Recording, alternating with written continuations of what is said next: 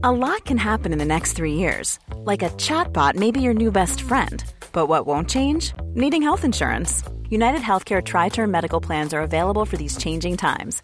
Underwritten by Golden Rule Insurance Company, they offer budget friendly, flexible coverage for people who are in between jobs or missed open enrollment. The plans last nearly three years in some states, with access to a nationwide network of doctors and hospitals. So, for whatever tomorrow brings, United Healthcare Tri Term Medical Plans may be for you. Learn more at uh1.com. Hiring for your small business? If you're not looking for professionals on LinkedIn, you're looking in the wrong place. That's like looking for your car keys in a fish tank. LinkedIn helps you hire professionals you can't find anywhere else, even those who aren't actively searching for a new job but might be open to the perfect role. In a given month, over 70% of LinkedIn users don't even visit other leading job sites. So start looking in the right place. With LinkedIn, you can hire professionals like a professional. Post your free job on linkedin.com slash people today.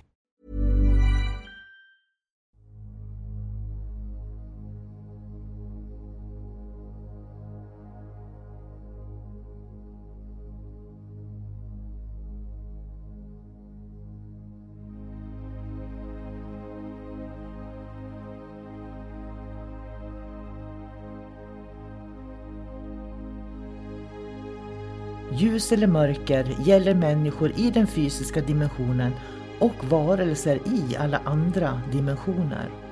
För att kunna se vad som är vad behöver vi människor vara öppna för både ljus och mörker. Det kräver mod och ett öppet sinne. Ljuset ger oss ljus, värme, kärlek, gemenskap, tillhörighet, vänskap och en massa vackra livsupplevelser. När vi talar om mörkret i podden så är det när vi människor upplever förvirring, kaos, hot, angrepp, manipulation, splittring som bidrar till att man känner sig ensam, isolerad och rädd. Att vara i sin egen kraft är att våga se verkligheten för vad den är och där göra medvetna val. Du kan bara kontrollera din värld, dina känslor, din livsupplevelse och det är att vara i sin egen kraft. Varmt välkommen till podden Kosmiska samtal.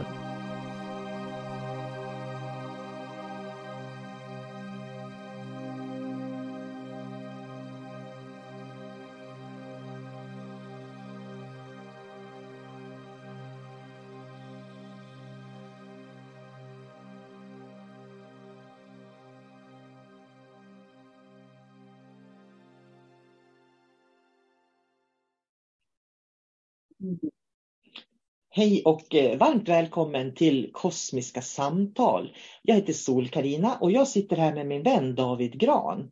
Så jag säger hej David. Hej hej sol karina Det vart något som är twist David. David. Jag tror det vart lite italienskt.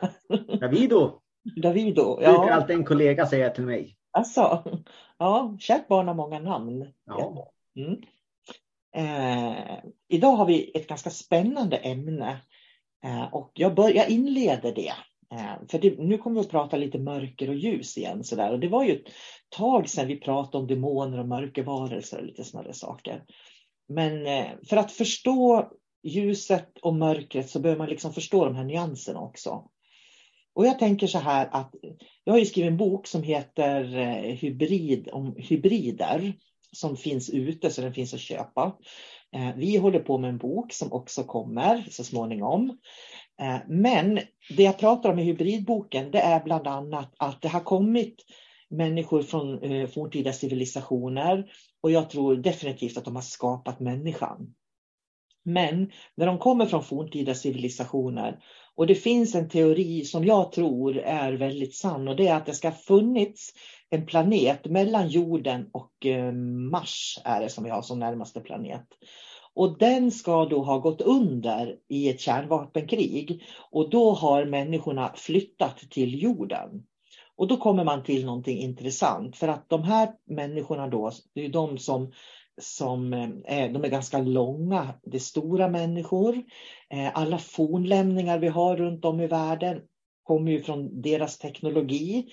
Jag menar det räcker med att åka till Rom och gå på Colosseum och titta att ingen vanlig människa som på den tiden då när de byggde Colosseum hade en maxålder på 30-35 år, kanske var 1,40 långa, 1,50 som mest, eh, skulle kunna ha gått eller, i de här trappstegen. Då. Så det är ju byggt för människor som var betydligt större än vad människan är.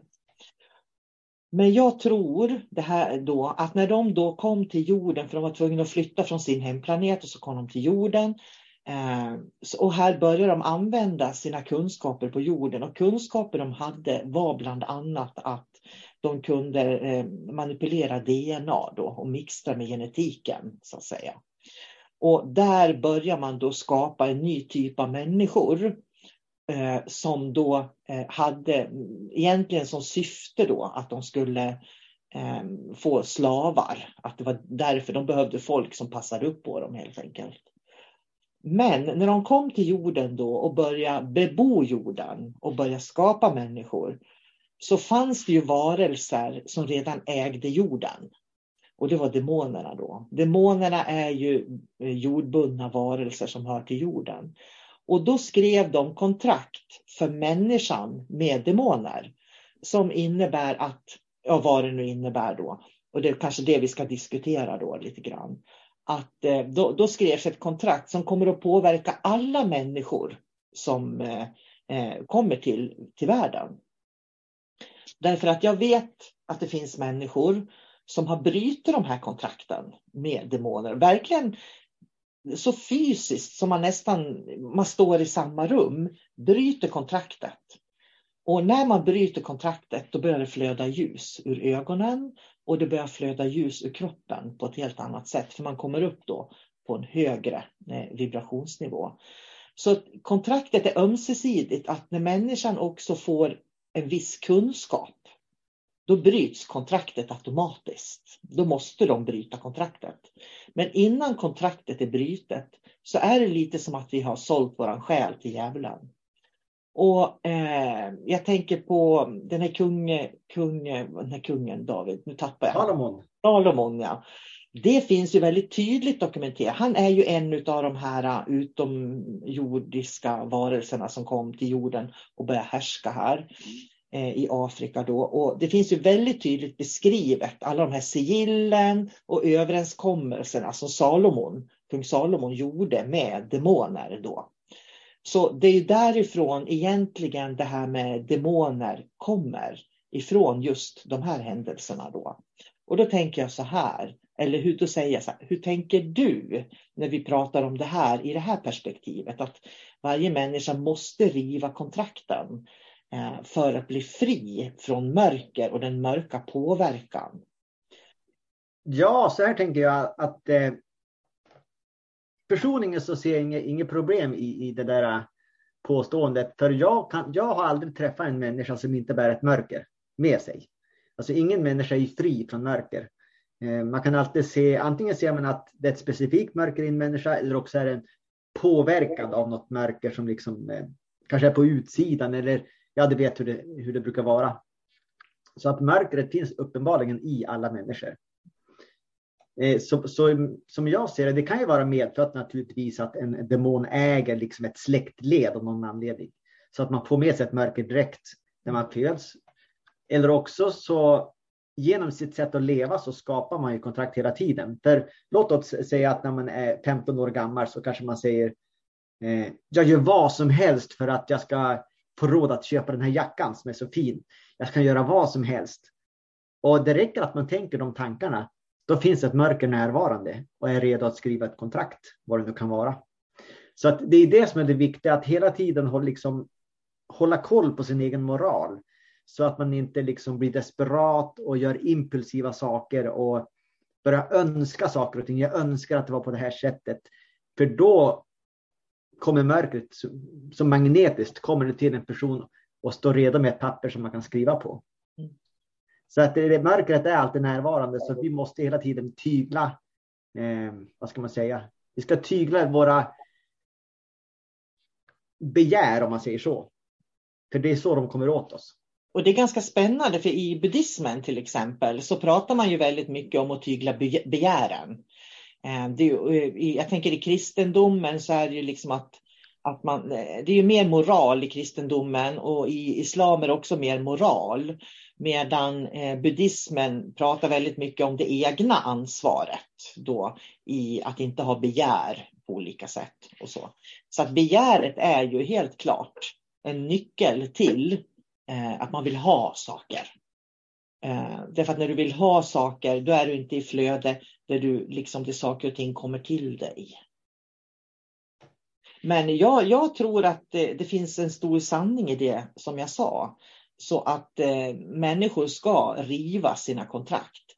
Och det är inte bara att säga att nu vill jag riva kontrakten. Du måste möta den här demonen och, och kanske rent fysiskt riva kontraktet. Men, men det är ju därför som det är så viktigt att, att inte fly från sina problem. Så länge man flyr från sina problem så kommer man aldrig till den punkten då man förstår liksom eh, att man har ett kontrakt. Mm.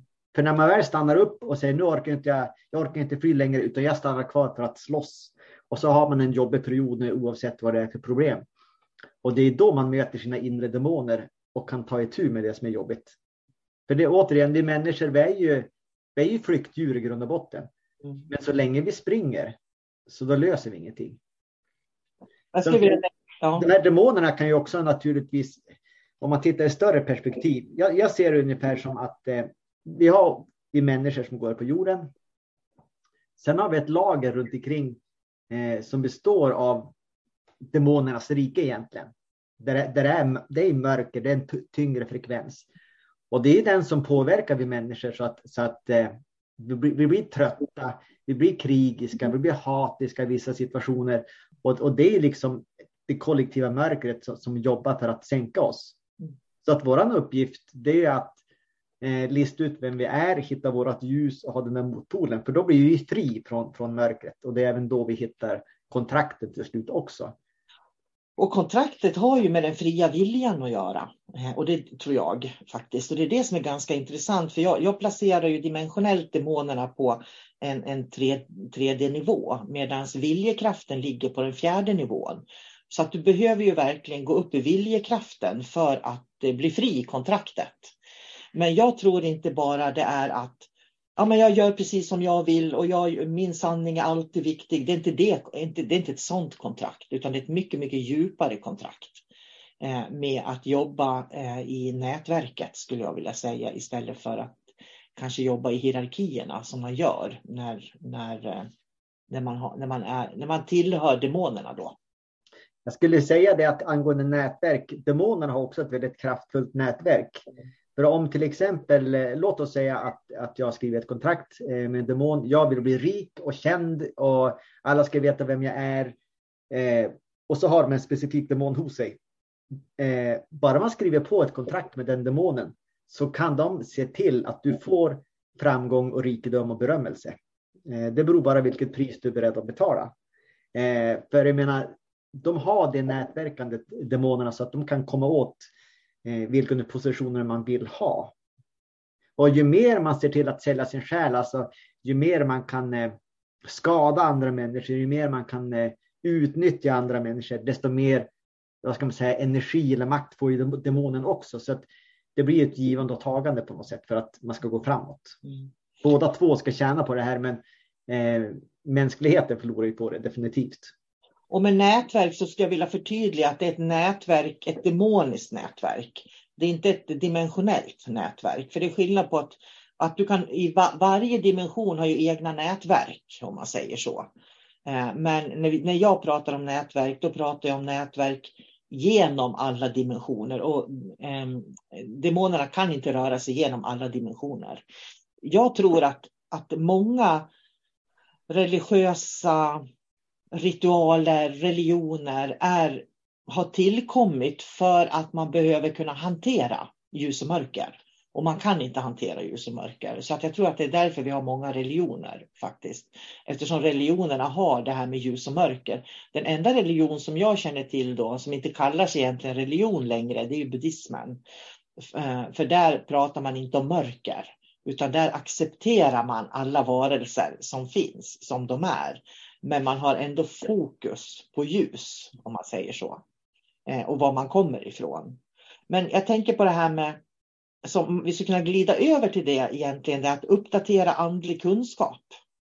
Det tycker jag liksom också är ett spännande ämne som på något vis ingår i det här. För att eh, om man tänker på att mörkret nu vill behålla människor eh, i, sitt, sin, sin liksom, i sina klor lite grann sådär.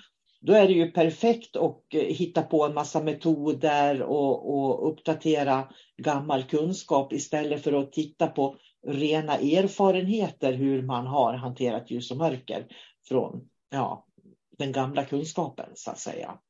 Och reiki är ju ett sådant exempel, eh, verkligen ett sådant exempel, där många har eh, plockat in egna saker som de har hittat på eh, och sagt att det är reiki.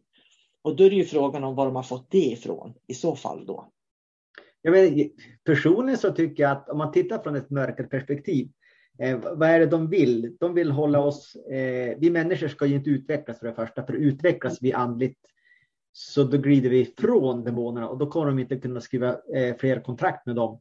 Eh, och då kommer vi att äga den här planeten mm. som egentligen var demonernas från, från grund och botten. För att det är egentligen det som hela striden handlar om. Vi har invaderat deras planet och vi tar över den mer och mer. Mm. För att det är ju, från deras perspektiv så är det ju smart att eh, gå in på våran planhalva, ta det som eh, de metoder, kunskapen som ska få sig utvecklas och besudla den. Eh, så att vi kommer fortfarande att, att utöva reiki, vi kommer att utöva andlig disciplin. Fast vi förstår inte vad det handlar om så att egentligen så slutar vi att utvecklas istället. Och eventuellt så kanske man till och med kan gå neråt i frekvens när man använder de här olika metoderna. För att man har, man har helt ändrat fokus och inriktning på det. Mm.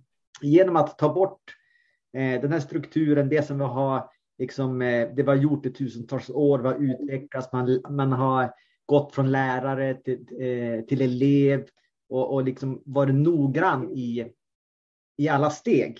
Nu har det istället blivit att nej, men jag kan göra en massinitiering på på tusen elever samtidigt. Jag behöver inte ens prata med dem och så får de liksom ett helt paket, betala en peng och nu kan de det här. Och nu, nu efter det så kan de initiera vidare. Men vad är det de initierar egentligen? Det är kanske en mörk demonisk frekvens till exempel. Men jag tycker också det är intressant för att eh, inom buddhismen där har man dimensionella världar. I katolicismen har man också dimensionella världar. Inom islam tror man på jinner. Man har ju liksom de mörka väsena där också. Eh, och, men i kristendomen har man liksom plockat bort den kunskapen om olika varelser i olika dimensioner. Det har man plockat bort i kristendomen. Och, så på, och det är det jag tänker när man pratar om att man ska uppdatera andlig kunskap så blir det på något vis att, att eh, man får inte tillräckligt gehör för det man tror på eller för den liksom livsåskådning man har, då lägger man till saker för att liksom få en bredare publik på något vis. För spiritualismen till exempel, den uppkom på, eh, i mitten på 1800-talet. Och det var ju, om man, då tittar man då på spiritualismens grundare till exempel, många av dem som har varit väldigt och influerat eh, spiritualismen då, de reste ju väldigt mycket i Tibet och Indien och i de här länderna och i Ryssland där de också är i Sovjet, Sovjet Ryssland. Sovjet säger man idag.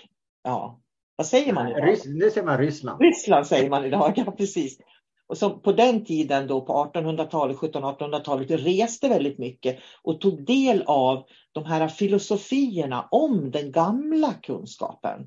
Och sen tog man med det till väst och så liksom gjorde man om det på något vis. Man la till andar och andevärlden till exempel. Men man la inte till den dimensionella kunskapen för att då behöver du gå in i en helt annan filosofi. Och därur föddes ju spiritualismen då eh, på något sätt. Eh, och tittar man liksom vad människor, man måste ju titta på hur människor levde, vad de hade för livssyn, för rädslor, för drömmar, för visioner på 1800-talet. Så, så fanns det ju väldigt respekt för eh, andevärlden. Därför att kristendomen har ju slagit in i huvudet i flera hundra år att eh, det är liksom Gud, Gud, Gud, Gud, Gud och ingen annan. Så på något vis. Jag vet inte om du hänger med här, för det jag menar är då att eh, det, finns, det finns kunskap, men man tar den till väst och så gör man om den. Och det är ju som jag ser det då så är ju det den kunskap, när man, då tycker man uppdaterar. Hur kan man uppdatera kunskap? För mig kan man inte uppdatera kunskap, det är väl det jag vill komma fram till. Nej, alltså det, på något sätt, eh, när man ska göra kunskap eller metoder till någonting populistiskt mm. så betalar man ett väldigt högt pris. Mm. Det, det, är det det handlar om. Och sen då, när man gör det populistiskt så blir det urvattnat. Mm. Så om man har, låt oss säga att man har en religion eller en tro som, är, som var baserad på erfarenheter, eh, vittnesskildringar, att man kanske hade mött en viss gestalt och det här är min Gud, de har kommit till mig och sagt de här sakerna och liksom visa en, en eh, mångfacetterad bild eh, av, alltså dimensionell bild. Det här, så här fungerar det. Över åren så blir det ju bara nej men det där var lite jobbigt, det var lite hemskt, den där figuren plockar vi bort. Ja, då stänger vi en dimension. Och sen, nej men den där var inte bra, det där kan vi inte prata om, den tar vi också bort. Så då har man ju egentligen bara skalat ner dimensionellt till ett, ett fåtal dimensioner kanske, till ett fåtal varelser som är tryggt som man kan hantera. Och då kan vi ju inte utvecklas heller. Som till exempel, som du nu sa nu, spiritualisterna. Eh, istället för att vi har tillgång till allting. Eh, vi ska utforska dimensionellt allting som finns. Istället så då väljer man en liten dimension, ett fåtal varelser, en andra sida. Nej, ingenting mer. Vi ska bara ha fokus på det. Och det skapar ju också så mycket begränsningar att vi människor kan ju aldrig utvecklas. Om man, redan, om man lär sig sen, liksom, om man nu föds in i det där till exempel, eh, det gäller ju alla sekter, och lär sig från barnsben att det är så här det fungerar, då kan man ju aldrig gå utanför det rummet heller och söka mer information. Och från ett demoniskt eh, perspektiv så är det eftersträvansvärt. Mm. Att vi människor liksom, vi slutar till och med att söka sanningen. Vi ser ingen annan sanning. Det här är den totala sanningen. Mm. För då, behöver, då, då, håller, då hålls vi tillbaks. Eh, demonerna behöver heller inte anstränga sig med att eh, påverka oss så mycket. För att då har vi liksom bara fastnat i ett fack. Mm. Nej, jag tror att det, är väldigt viktigt att, att förstå. Jag tänker om man backar tillbaka till den fria viljan. Vad är den fria viljan? För att om jag utövar den fria viljan så får jag ju aldrig påverka någon annan. Och då blir det ju egentligen ganska knepigt att påverka den fria viljan. För om jag ska använda min fria vilja. När kan jag använda den och när kan jag inte använda den? För jag kan inte använda min fria vilja och säga David hoppa ner i en isvak för jag vill att du ska hoppa ner i isvaken. Det är min vilja. Så. Och din vilja säger jag vill inte hoppa ner i isvaken för det är kallt. Jag tänker inte göra det. Jag menar, vad är fri vilja egentligen? Kan man fundera. För det är det vi pratar om här liksom också. Eh, nu, nu, ja, för det, det är fri vilja. För att jag menar ju då att när man uppdaterar andlig kunskap så tappar man den fria viljan hos människor. Ja, om, om, det, om, det, om det är, baserat på sån där urvattnad eh, kunskap, om man säger så. Så det, då går man in i det där lilla facket och då blir man egentligen en sektmedlem. I Men, mångt och mycket. Det är så spännande, för om man tänker på eh, mormonerna, hur har de hur de lever. De har ju månggifte till exempel. Mm. En man kan ju liksom ha hur många fruar som helst. Och, och om eh, hans bror, hans lillebror dör, så hans fru och barn blir utan, utan en man då försörjare, om man säger så. Eh, då kan han gifta sig med sin brors fru. Eh, så har han två fruar eller fler då och alla barn och sådär. Jag tycker det är så fascinerande för att det, det är det som står i Bibeln. Precis så står det i, i, först, i, Mosebo, eller i första testamentet. Eh, så står det ju om Moses och Abraham och de gifta sig liksom hit och dit. Så det, det, är så spännande hur man kan plocka ut saker och så gör man en hel kultur och en hel religion på att bara plocka ut en enda grej.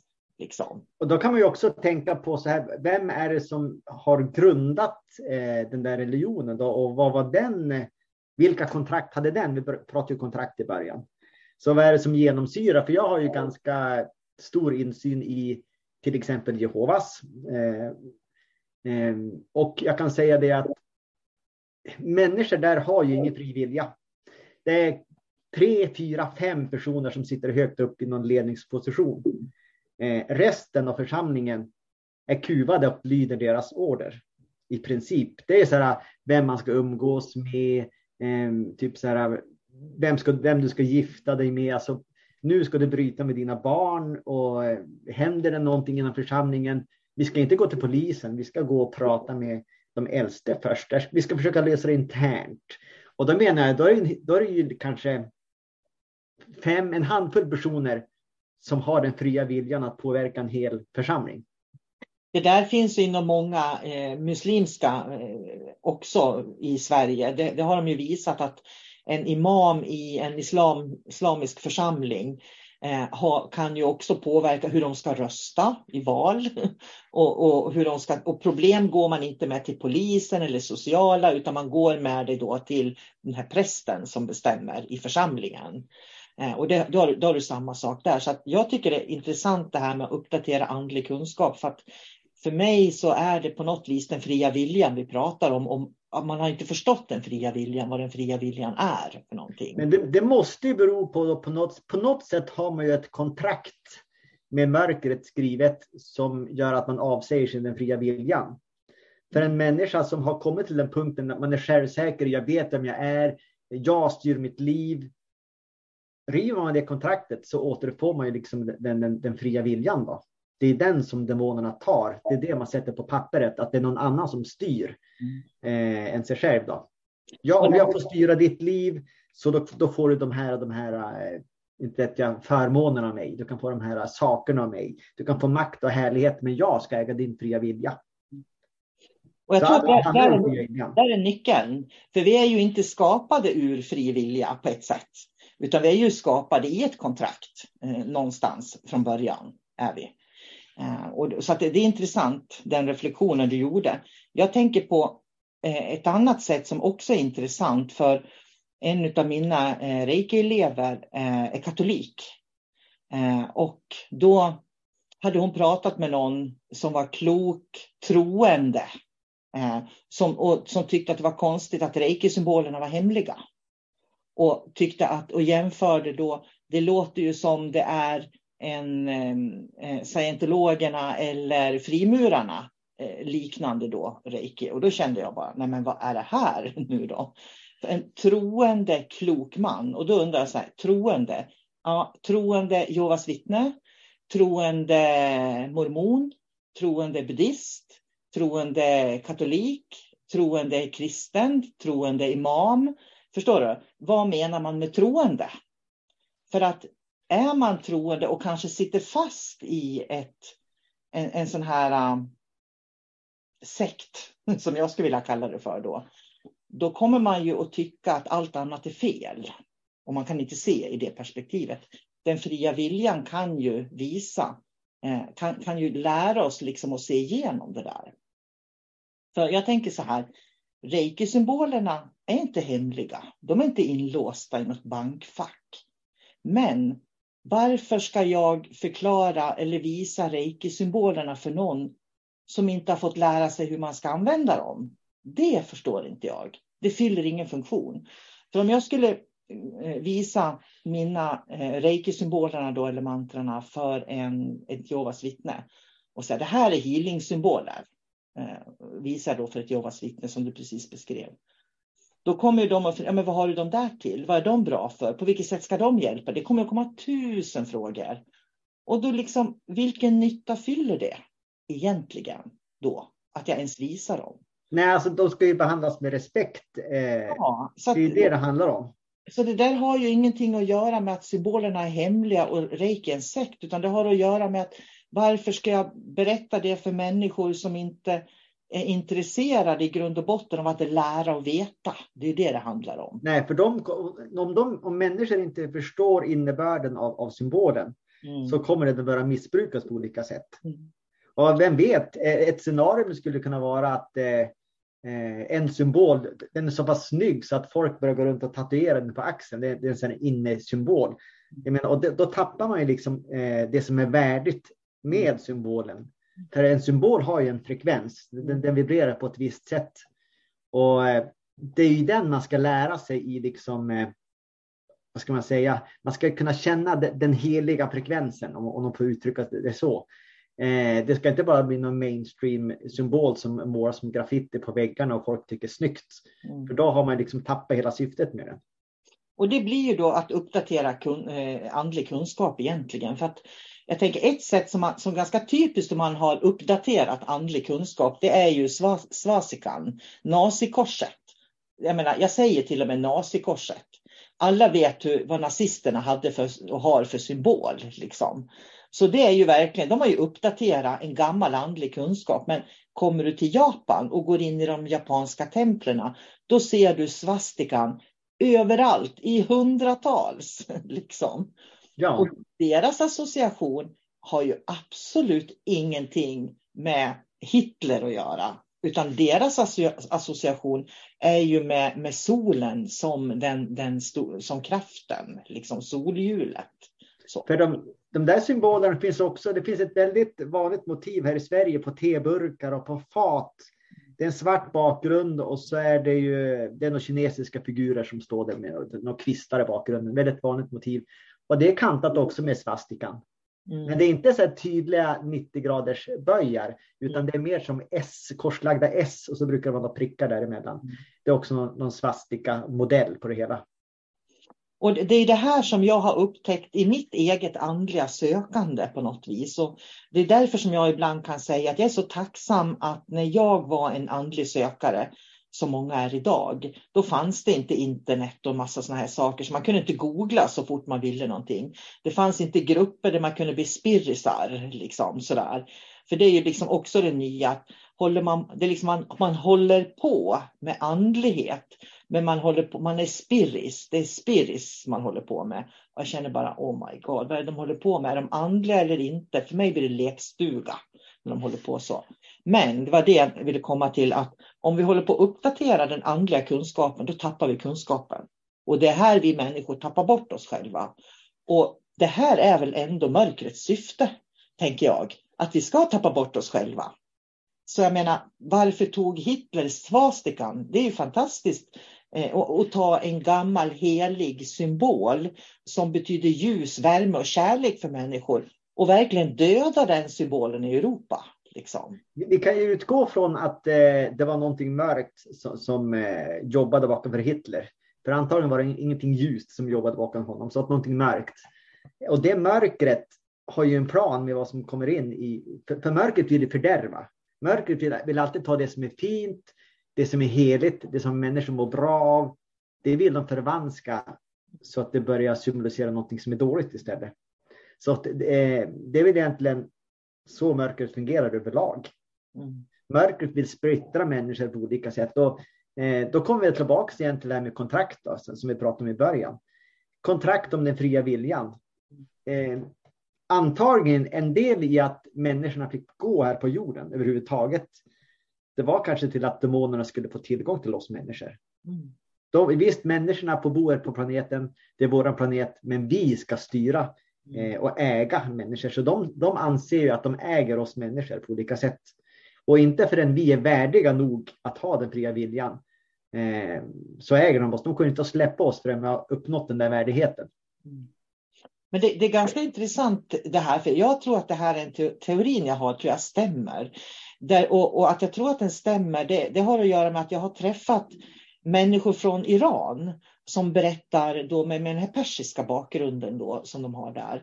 Där kan du alltså få en personlig gin när du föds som ska följa dig och hjälpa dig till framgångar i livet. Så att det finns ju de som har fått det som present när de föds, en personlig gin. Så man kan ju också säga, hmm, vad är det vi döper oss in i när vi döper ett barn egentligen? Mm. För dopet har ju, välkomnar vi barnet eller ger vi barnet en, en överenskommelse? Faktiskt. Just det. Mm. Och nu kommer jag att tänka på en sak och jag tror att det är okej att jag säger det här, men jag, eller det är det, för jag nämner inga namn. Det var ett par år sedan. Då var det precis som du sa, det var en klient som jag jobbade med. Eh, så jag berättar bara grova drag. Eh, hon hade ju... Jo, jag, jag gör en liten övervägning här i huvudet om jag ska säga det eller inte, men jag ska säga det. Mm. Eh, Jo, men hon hade så svårt att få på relationen att gå ihop. Så fort hon skaffade en ny eh, kar eller skulle dejta så då, då bröt sig på olika sätt. Och hon kände att det var någon, någon entitet som var förstörde allting. Så vi, vi hade ju ett längre samarbete, hon och jag. Och, och så sen då, då visade det sig att hon hade en gin eller en demon då, som, mm. Som hon faktiskt kunde prata med själv. Som, som kom in och liksom var svartsjuk och skulle mota bort eh, alla män som kom nära henne i hennes liv. Och sen vi, för hon var ju också från Mellanöstern någonstans ifrån. Och sen så då berättade det, var faktiskt, det här var ju faktiskt en elev som jag hade. Ja. Som gick Sannesens och det är ganska intressant som jag skickade till dig då. Bara för att hon behövde hjälp att jobba över tid med att befria sig från den här ginen som hon faktiskt hade fått i present. Ja precis, för hon pratade med den här och eh, jag vet inte hur långt in i behandlingen men kanske efter en, en fem, sex behandlingar. Så då berättade hon att när hon var liten så då, då skrev hon ett kontrakt. Hon gick till några eh, motsvarande präster och hennes hemland och så skrev de små lappar minns hon eh, på något sätt eh, och gav henne en beskyddare. Så det var ett kontrakt som hon skrev då. Eh, och sen längre in i behandlingen så då, då bröt hon det kontraktet. Eh, och så, så vitt jag vet så vart hon fri från den där beskyddaren. För den här demonen, eller ginnen som det är där nere, den ville ingenting illa. Den ville bara beskydda henne på alla sätt, men den blev för överbeskyddande. För den hade ett uppdrag, den hade ett kontrakt och inte förrän hon var självständig nog att riva det där kontraktet fick ju hon sin fria vilja. Ja, precis. Och det, det, där är ett jättebra exempel, verkligen. Och jag tror inte alls att det gör någonting att vi har pratat om det. För det, det här är många, många år sedan, så det är ingen som kan identifiera sig med det här faktiskt. Eh, för, för eh, ja, det här kändes som en bra avrundning på när vi pratar om att uppdatera andlig kunskap och eh, fria viljan och demoner och de här osynliga kontrakten. Så att eh, jag tror faktiskt vi ska runda av där David. För det har varit en väldigt bra, att du knöt ihop det bra tyckte jag där med att berätta om det. Mm. Så jag tycker vi tackar för idag, eh, verkligen. Ja, det gör vi. Och eh, säger till fokusera ljus, Välj lärare med omsorg. Fundera på din fria vilja som inte får påverka andras fria vilja. Eh, och så finns det nycklar där, skulle jag vilja säga. Mm. Ha det så bra David. Detsamma. Då. Have catch yourself eating the same flavorless dinner three days in a row? Dreaming of something better? Well, HelloFresh is your guilt-free dream come true, baby. It's me, Gigi Palmer. Let's wake up those taste buds with hot, juicy pecan-crusted chicken or garlic butter shrimp scampi. Mm. Hello Fresh. Stop dreaming of all the delicious possibilities and dig in at HelloFresh.com. Let's get this dinner party started.